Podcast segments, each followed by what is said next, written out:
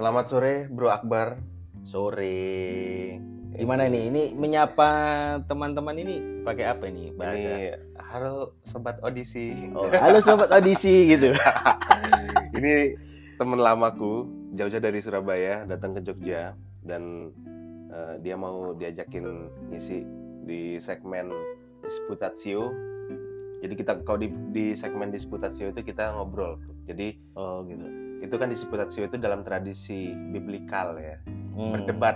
Jadi suatu hal yang kemudian itu publik tidak sepakat lalu kita bicarakan. Atau Oh. intinya kita berdebat lah. Berdiskusi. Berdiskusi, Ah. berdialektika ya. Tapi ada isu yang kita kemudian uji di situ. Yang misalnya aku punya pendapat A, kamu punya pendapat B.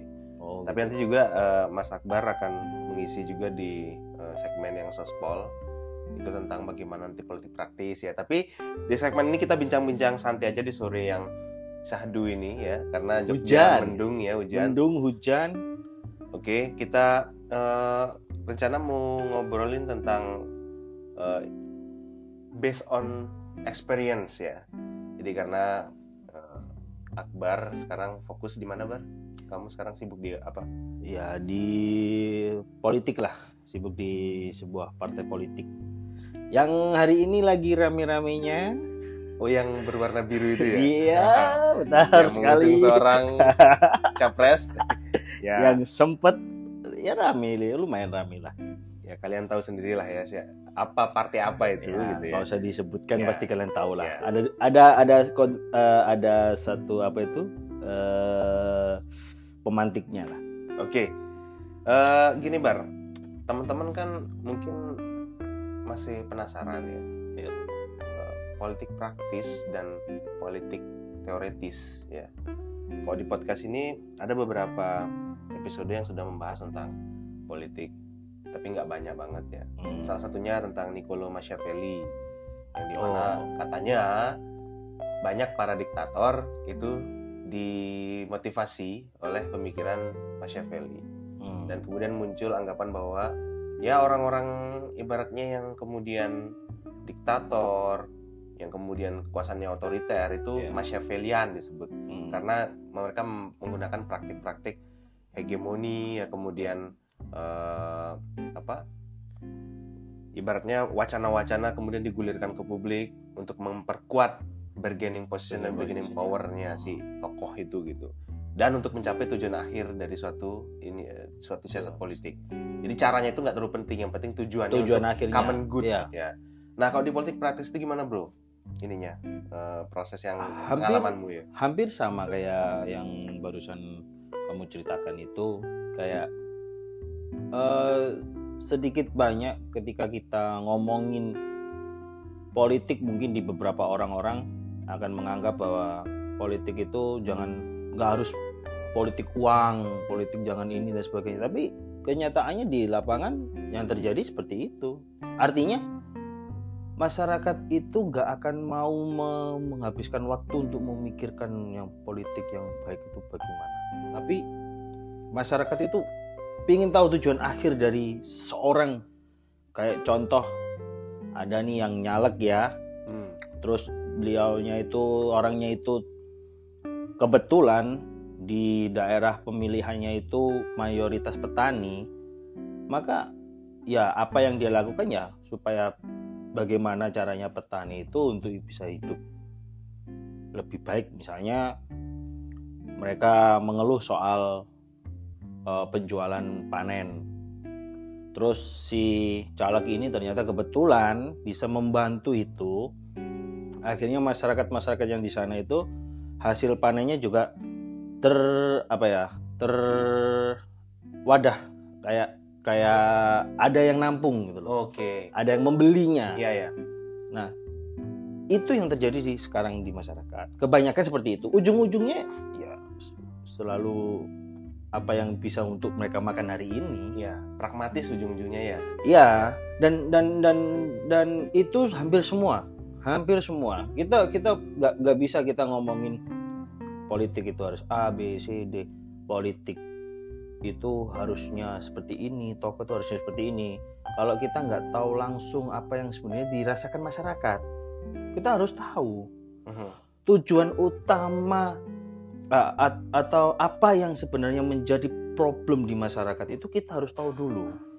Hmm. Dan problem utama di- yang dirasakan masyarakat adalah soal bagaimana cara mereka bisa hidup, Hmm. mereka bisa makan, mereka bisa menyekolahkan anaknya dan dan hanya hanya itu saja dan dan itu penting. Hmm. Itu menjadi kunci untuk salah satu tokoh orang untuk berpolitik menentukan arah politiknya ke mana. Ya, Tuh. oke. Oke, ini kita eh, berapa tahun lagi nih? 2024 ya. Udah Kurang nggak- setahun lagi lah. kurang setahun lagi ya, cepat dan banget itu ini ya. mepet Dan banget itu untuk ini orang-orang ibaratnya yang untuk orang-orang yang sudah pasti akan maju itu sudah ibaratnya udah dekat banget ya waktu itu ya. itu sudah limit, udah injury time, Injury time maksudnya. lah Iya, maksudnya ya. karena itu setahun itu untuk bisa uh, memperoleh tujuannya itu uh, waktu yang sangat singkat. Jadi um, ya kalau orang orang yang mau terjun ke politik dan persiapan-persiapannya itu bisa dilakukan 2-3 tahun sebelumnya. Hmm, Oke oke. Maka kalau kita lihat di berita ya, ini artinya eh, karena tadi itu kita samarkan kamu afiliasinya di mana, Ya, kita se- sekarang mengomongkan eh, mereka sebagai objek pembicaraan kita. Contohnya misalnya beberapa waktu lalu Ganjar Pranowo diberikan sanksi, Ya. sanksi sikap ya namanya ya, ya. oleh PDI Ah, karena ada statement dia siap maju pilpres, ya. padahal belum diizinkan, belum diizinkan PDIP sama belum ketok palu ya, gitu kan. ya. Nah, berarti memang agak telat dong PDIP sampai sekarang belum merilis nama. Kalau untuk partainya Hmm. sebenarnya untuk merilis nama tidak ada keterlambatan. Tapi kan calonnya. Calonnya ini terlambat nggak? Lah, kita harus tahu dulu nih. Ganjar Pranowo itu sudah melakukan apa ya? bi- Bisa saya bisa saya simpulkan sebagai kampanye kecil-kecilan Hmm. itu melalui Oh medsos, jelas dari YouTube-nya ya. Itu TikTok. sudah bentuk lah ya kayak You- TikTok, YouTube, sudah- Instagram. masuk ke dalam politik kuasa media lah itu ya, Iya, Noam Chomsky ya. iya, Karena- betul. Eh, kalau kita kaitkan ke podcastku sebelumnya, eh, ini itu itu tentang ini ya, kita komentari berita. Aku sama Putu Lingga, nama Ya. segmennya itu Bus News. Kita pakai ya teorinya Benedict Anderson, Imagine eh, Society itu. Ya. Jadi sekarang itu kita hidup dalam hyperrealitas kalau kata Zhang Baudrillard ya. Ya, Nah, untuk momen-momen pilpres itu kan eh, kalau nggak menguasai media nggak bisa, nggak bisa, nggak akan bisa, iya, nggak akan bisa. Karena begini, eh karena kebetulan saya juga kerjanya kan berhubungan dengan orang-orang yang terjun di politik Yo, ya, politik praktis lah politik ya. praktis lah ya, ya. Ketika mereka jadi, mereka itu bisa merasakan menjadi yang namanya dewan itu baru set- setahun aja. Hmm, Misalnya di tahun 2019 mereka dilantik. Hmm, Tahun 2020 itu baru masa-masa mereka menjadi anggota dewan. 2021 itu masa-masa mereka untuk merawat akar rumput grassroots-nya. hmm, teorinya Toffler. Iya. Jadi akar rumput jadi ya. dia eh, mereka-mereka ini kalau bisa dikatakan apakah mudah untuk menjadi anggota dewan? Ya Hmm. nggak mudah juga gitu loh. Perjuangan sekali dan dan capek. Capek, benar-benar benar-benar capek. Kita harus keliling, kita harus tahu. Ini yang terjadi di lapangan ya, nggak maksud saya eh, jauh dari apa yang diberitakan oleh media ketika ada satu anggota dewan yang tingkahnya seperti ini, Hmm, ya ya mungkin di beberapa ada yang seperti itu. Tapi ada juga yang enggak artinya mereka sudah mempersiapkan diri untuk untuk bisa maju di di periode berikutnya itu 3-2 tahun sebelum pemilihan karena kalau setahun itu sangat mepet dan tahun politik itu dimulai di Oktober kemarin Oktober kemarin tuh ya. Yang Itu tahun-tahun politik. Tahun-tahun politik Iya. ya. Makanya kemarin banyak uh, berita-berita ya pas uh, ya mulai muncul dan dan biasanya tapi eh, sebenarnya juga sih eh, orang-orang itu juga banyak yang apa eh, kayak mereka melakukan pemberitaan media tidak hanya di media sosial tapi di media-media seperti ya media-media gitulah media yang kecil-kecil yang Hmm. nggak jelas beritanya gitu Iya, kan iya. Ya, mereka biasanya mempromosikan diri melalui itu Oke, oke, ini menarik ya karena di segmen eh, sorry di episode ini kita akan fokus eh, se- tadinya pengen ini ya ngupas politik praktis seperti apa tapi terlalu teoritis kita Tidak harus langsung ke, teoritis. ke prakteknya seperti prakteknya apa ya. seperti apa. Karena karena gini Ya. ketika saya saya juga mempelajari yang namanya filsafat politik. Hmm, ketika itu saya terapkan di masyarakat umum gagal. Hmm, artinya eh, secara teori dan secara praktek di lapangan itu sangat berbeda 180 derajat kondisinya bagaimana itu sangat-sangat berbeda. Dan itu membuat saya menyadari bahwa teori ini saya pakai untuk menjadi pengetahuan saya. Untuk bisa tahu apa yang diinginkan sama masyarakat ya kan? Problemnya apa? Terus solusi dari problem itu bagaimana? Apakah problem itu ada solusi atau hanya kita pasrah pada pemerintah pusat Oke tadi nyinggung akar rumput gini kan. ya grassroots Jadi grassroots ya. Eh, tadi juga kita sempat nyinggung tentang bagaimana eh, mempopulerkan diri melalui media di tahun-tahun politik di era di masa-masa politik gini. Oke, berkaitan dengan grassroots seberapa penting grassroots itu kalau di persentase itu 80% dia persentasenya ya? persentasenya 80% 20 persennya apa? 20 persennya itu kadernya Kader. karena begini grassroots itu kan tidak harus dari kader partai itu tapi kan bisa jadi orang-orang biasa yang ada di rumah yang sekarang ini Ya.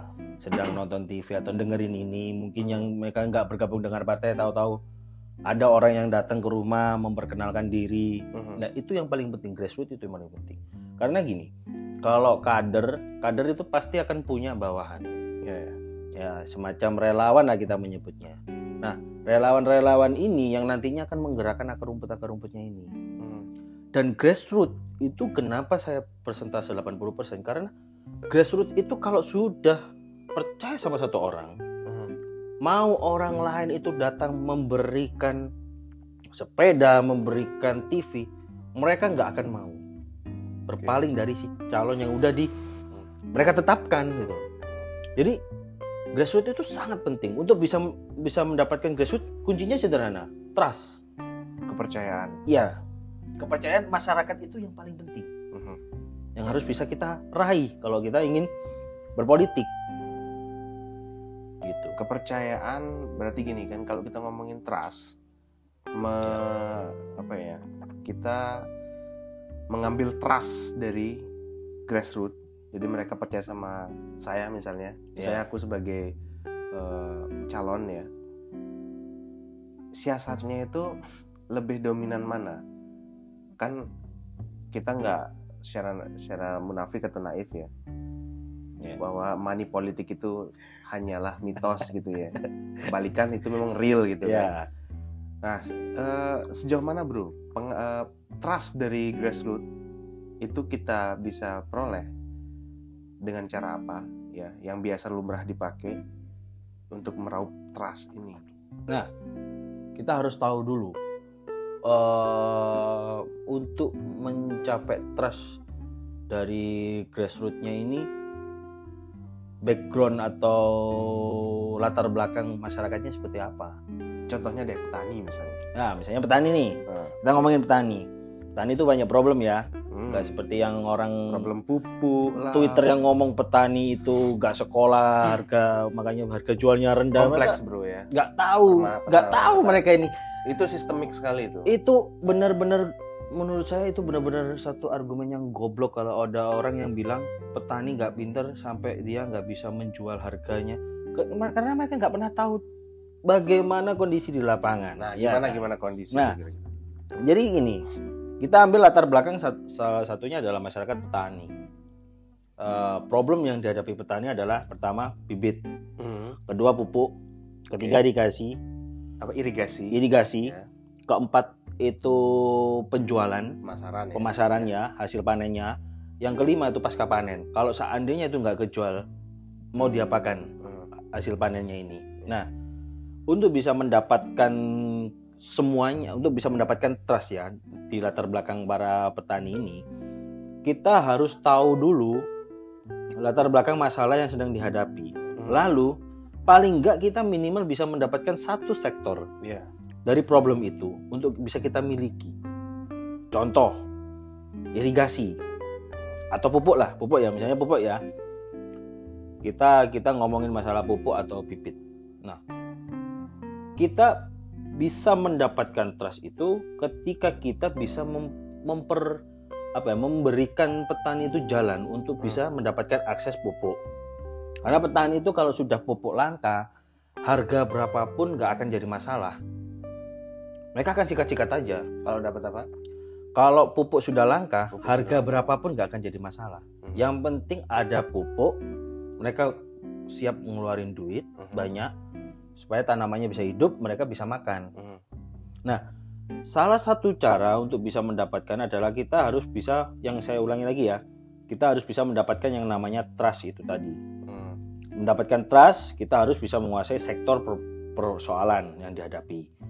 Pupuk, maka kita harus ya gimana caranya lah kita bisa memberikan akses untuk para petani ini supaya bisa mendapatkan pupuk walaupun agak agak sedikit mahal ya. Mhm. Atau yang paling mudah aja, penjualan Oke. ketika panen itu. Kita beli, kita jual, kita bantu mereka untuk menjual. Kita lakukan itu rutin. Tiga tahun, dua tahun, mereka sudah loy- loyalitas. Oh ya mereka sudah sangat percaya ya. Ya, apalagi misalnya gini, eh, ketika mau musim tanam, mereka kan banyak kebanyakan nggak punya traktor nih. Mhm. Kita beli traktor, kita sewakan mereka gratis. Ya. Itu akan bisa mendapatkan kepercayaan mereka dan dan petani petani itu kayak masyarakat petani itu yang saya lihat ya Mhm. itu hampir mirip kayak santri Hmm. samina watokna dia Samina watona ya.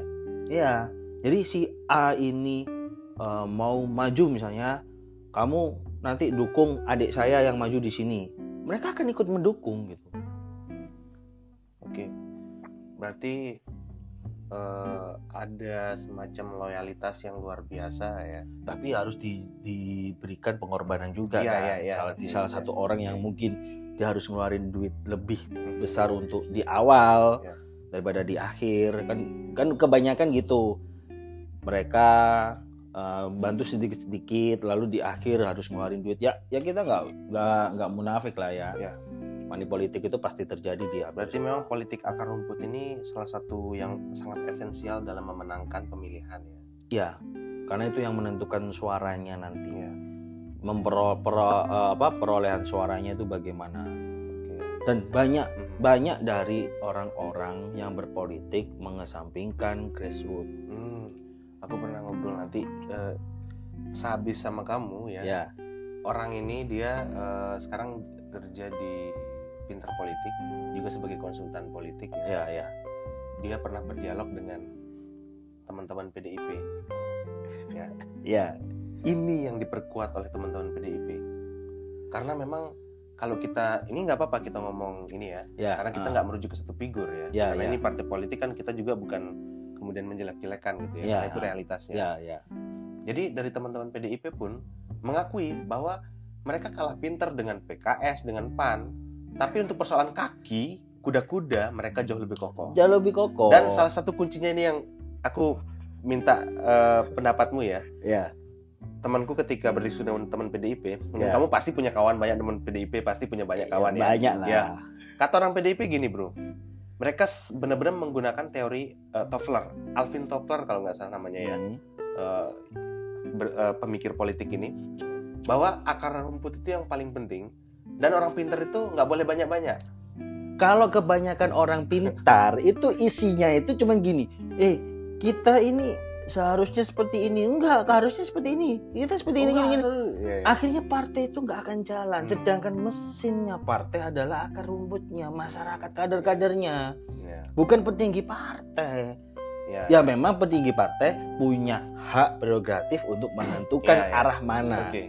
Ya, Tapi sebagai kan- pilotnya. nah tapi kan balik lagi ya ibarat mobil grassroots adalah roda Mungkin gini bro, ketua partai misalnya Megawati, SBY dan lain sebagainya ya, ya, ah. Surya Paloh misalnya sebagai pilot, tapi di di menara yang eh, apa air traffic air traffic Control. controlnya ATC itu orang-orang iya banyak. kayak tanpa gitu. itu mereka nggak. nggak akan bisa karena Oke. ya kita kita lihatlah eh, ya kita ngomongin ini ya kita ngomong bukan bukan bukan menjelekkan tokoh sekali lagi kan kita Hmm, nggak jelekin iya, tokoh ya apakah nanti ke depannya Megawati tetap mencalonkan anaknya Puan untuk jadi presiden atau berbalik arah ke Ganjar itu bisa terjadi Hmm. bisa bisa ada kemungkinan Mbak Puan ini nggak jadi maju malah justru Ganjar yang maju Hmm. karena ya dinamika yang terjadi di masyarakat itu berbalik arah dari apa yang diinginkan oleh pemimpin sedangkan pemimpin ya harus ngikutin Harus realis grassroots-nya ya. iya nggak Maksudnya bisa mereka dia lepas dari jadi itu realis lah, maksudnya Kalau- sesuai sama kenyataan di lapangan. kalau kalau nanti dia akan berbeda pasti akan ada gejolak yang Hmm. besar di partai itu Bisa jadi terpolarisasi. Ada nama PDI Ganjar, ya ya bisa jadi bisa ya, jadi bisa jadi kan. bisa jadi bahkan bahkan sekarang pun isu-isunya pecah katanya Iya. gitu ada dua Bisa. kelompok tapi saya nggak berani Seperti ngomong kasus-kasus Demokrat dulu ya. Iya. Pas AHY dan gitu ya masalah yang dengan Termasuk Siapa itu? kasus ini juga, Bro. Eh, orang mungkin di sini yang mendengar ini mungkin masih masih baru-baru masuk kuliah mungkin nggak kenal nama Anas Urbaningrum. nah ya ya itu ya juga unik. Jadi kayak eh, misalnya aku punya partai, masa Ya. aku sebagai yang bikin partai, suaraku itu kak bergaining position powerku kalah sama orang baru. Disikatlah beliau kan, gantung di Monas. iya Sampai sekarang baru keluar ya? Belum. belum kayaknya belum dia Bentar lagi lah ya. Hmm, bentar lagi Loyalisnya sampai sekarang masih banyak loh Anas itu. Oh iya? Masih banyak. Temen gue cerita, loyalisnya masih banyak. Dia kan HMI kan, oh loyalisnya masih banyak dia. soalnya kalau dari teman-teman Demokrat itu rata-rata mereka teman-temanku itu Hmm. rata-rata loyalisnya AHY AHY ya, ya. Hmm, udah harga mati itu mereka udah Ya, bisa mungkin itu yang sekarang ada di permukaan, bro. Kita nggak tahu. ya nggak apa tahu yang di underground di, ini ya kan. undergroundnya ya, di, Ya, di ya, grassrootsnya ya, di ya. akar rumputnya bagaimana Oke. Nah, kita balik lagi nih ke Hmm. akar rumput. Jadi bisa dibilang eh, obrolan kita di episode kali ini dengan Akbar itu tentang bagaimana politik akar rumput itu kunci menang pemilu ya. ya Artinya eh, berbagai macam siasat yang diatur oleh para pelaku aktor-aktor politik ya, Hmm. untuk menggait loyalitas dari akar rumput ini. Ya. Kemudian kalau kita bicara trust lagi-lagi trust ya. Ah. Ini mungkin karena tadi sudah nyinggung ke lapangan ya, eh, praktik di lapangan. Kita singgung juga basis teoritisnya antara trust dengan power. Nah, kamu sebagai pelaku sekarang ini, ya bagaimana kamu memandang itu? Trust dan Dengan power. power Ya. Oke. Eh, begini, kalau kalau aku boleh menyimpulkan antara trust dengan power, kalau trust itu pasti bisa mendapatkan power, Hmm. tapi ketika power belum tentu bisa mendapatkan trust. Duh, gimana itu gimana? Itu itu banyak terjadi, Hmm. banyak terjadi. Jadi eh, kepercayaan itu akan beriringan dengan power kekuatan kita untuk bisa mengerahkan ataupun tidak, mengarahkan ataupun tidak. Artinya kita bisa mengatur orang-orang itu untuk melakukan sesuatu. Hmm. Sedangkan power, kalau masyarakatnya sudah nggak percaya, mau power apa? Bisa-bisa riot, pemberontakan. Iya, makanya kan saya bilang power dan trust. Trust itu pasti bisa mendapatkan power, sedangkan power bisa mendapatkan chaos. Hmm. Karena Kalau tanpa trust. tanpa trust, Ya, ya. masyarakat akan bergejolak. Tetap kembali lagi, Hmm, Oke, oke. social movementnya seperti itu. Oke oke. Oke jadi jelas ya eh, teman-teman pendengar di sini. Jadi dinamika politik itu tidak sesimpel yang kita bayangkan. Tidak ya. sesederhana Jadi mungkin itu. kalau kita nonton berita, ini kok gini ya eh, politik ini gitu ya. Maksudnya kayak contohnya inilah eh, salah misalnya kalau orang lihat tokoh politik Hmm, ketika di media massa ya, kelihatan bego misalnya kan, ya. kelihatan kayak ih orang ini receh banget gitu. Ah, Padahal orang itu pinter. Ya. Nah, mungkin ini sebagai penutup di episode ini nanti kita Ah. sambung lagi di episode berikutnya. Sebetulnya, bro, di politik praktis itu eh, kita harus menunjukkan 100% intelektualitas kita atau kita mengemas intelektualitas itu dalam suatu semacam kebodohan yang sebetulnya itu sebagai jalan saja untuk menyampaikan substansi dari intelektualitas kita. Jadi ya maksudnya gini, kita punya kebenaran ya. Ya. Kebenaran itu kita anggap sebagai misalnya emas lah. Hmm. Emas misalnya eh, 42 karat misalnya kan. Ya. Oke, kita selundupkan emas ini dalam keburukan-keburukan. Ada kotoran, ada aluminium, ada apa, kita gabungkan jadi satu ya. Ya, ya. Tapi dia tetap murni dalam dirinya sendiri. Ya. Hmm. So, nyampe. Nah, itu kebenaran tetap kebenaran tapi dengan cara yang buruk, tapi kadarnya tetap sama. Tetap sama. Nah, kira-kira cara kerja di politik praktis itu kayak gitu nggak? Enggak.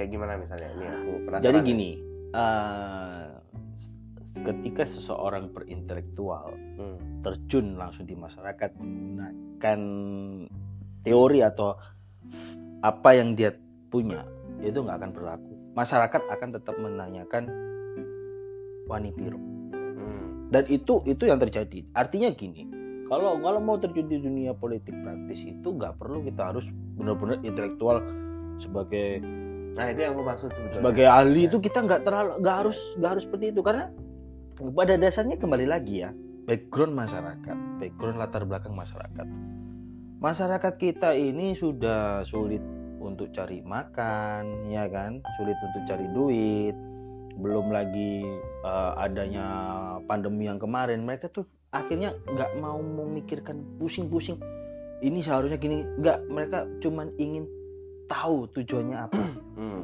apakah menguntungkan mereka Ya. atau tidak. Kalau mau tahu politik praktis itu ada di Madura. Itu Hmm. bener-bener real politik praktis. Oke, sebentar sebelum itu berarti ketika misalnya nih eh, orang akademisi dia terjun ke lapangan, kemudian kita menemukan ketika dia diliput oleh media, Iya.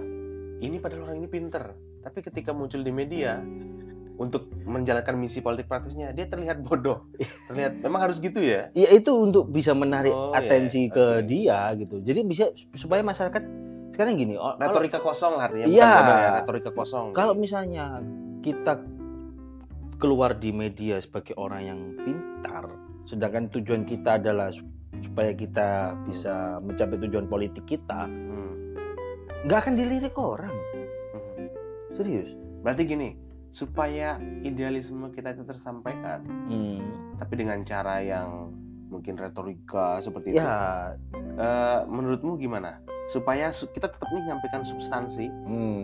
ke masyarakat yang Hmm. mungkin cenderung pragmatis ya, tapi tet- tetap tersampaikan. Itu caranya gimana? itu agak sulit kayaknya. Hmm.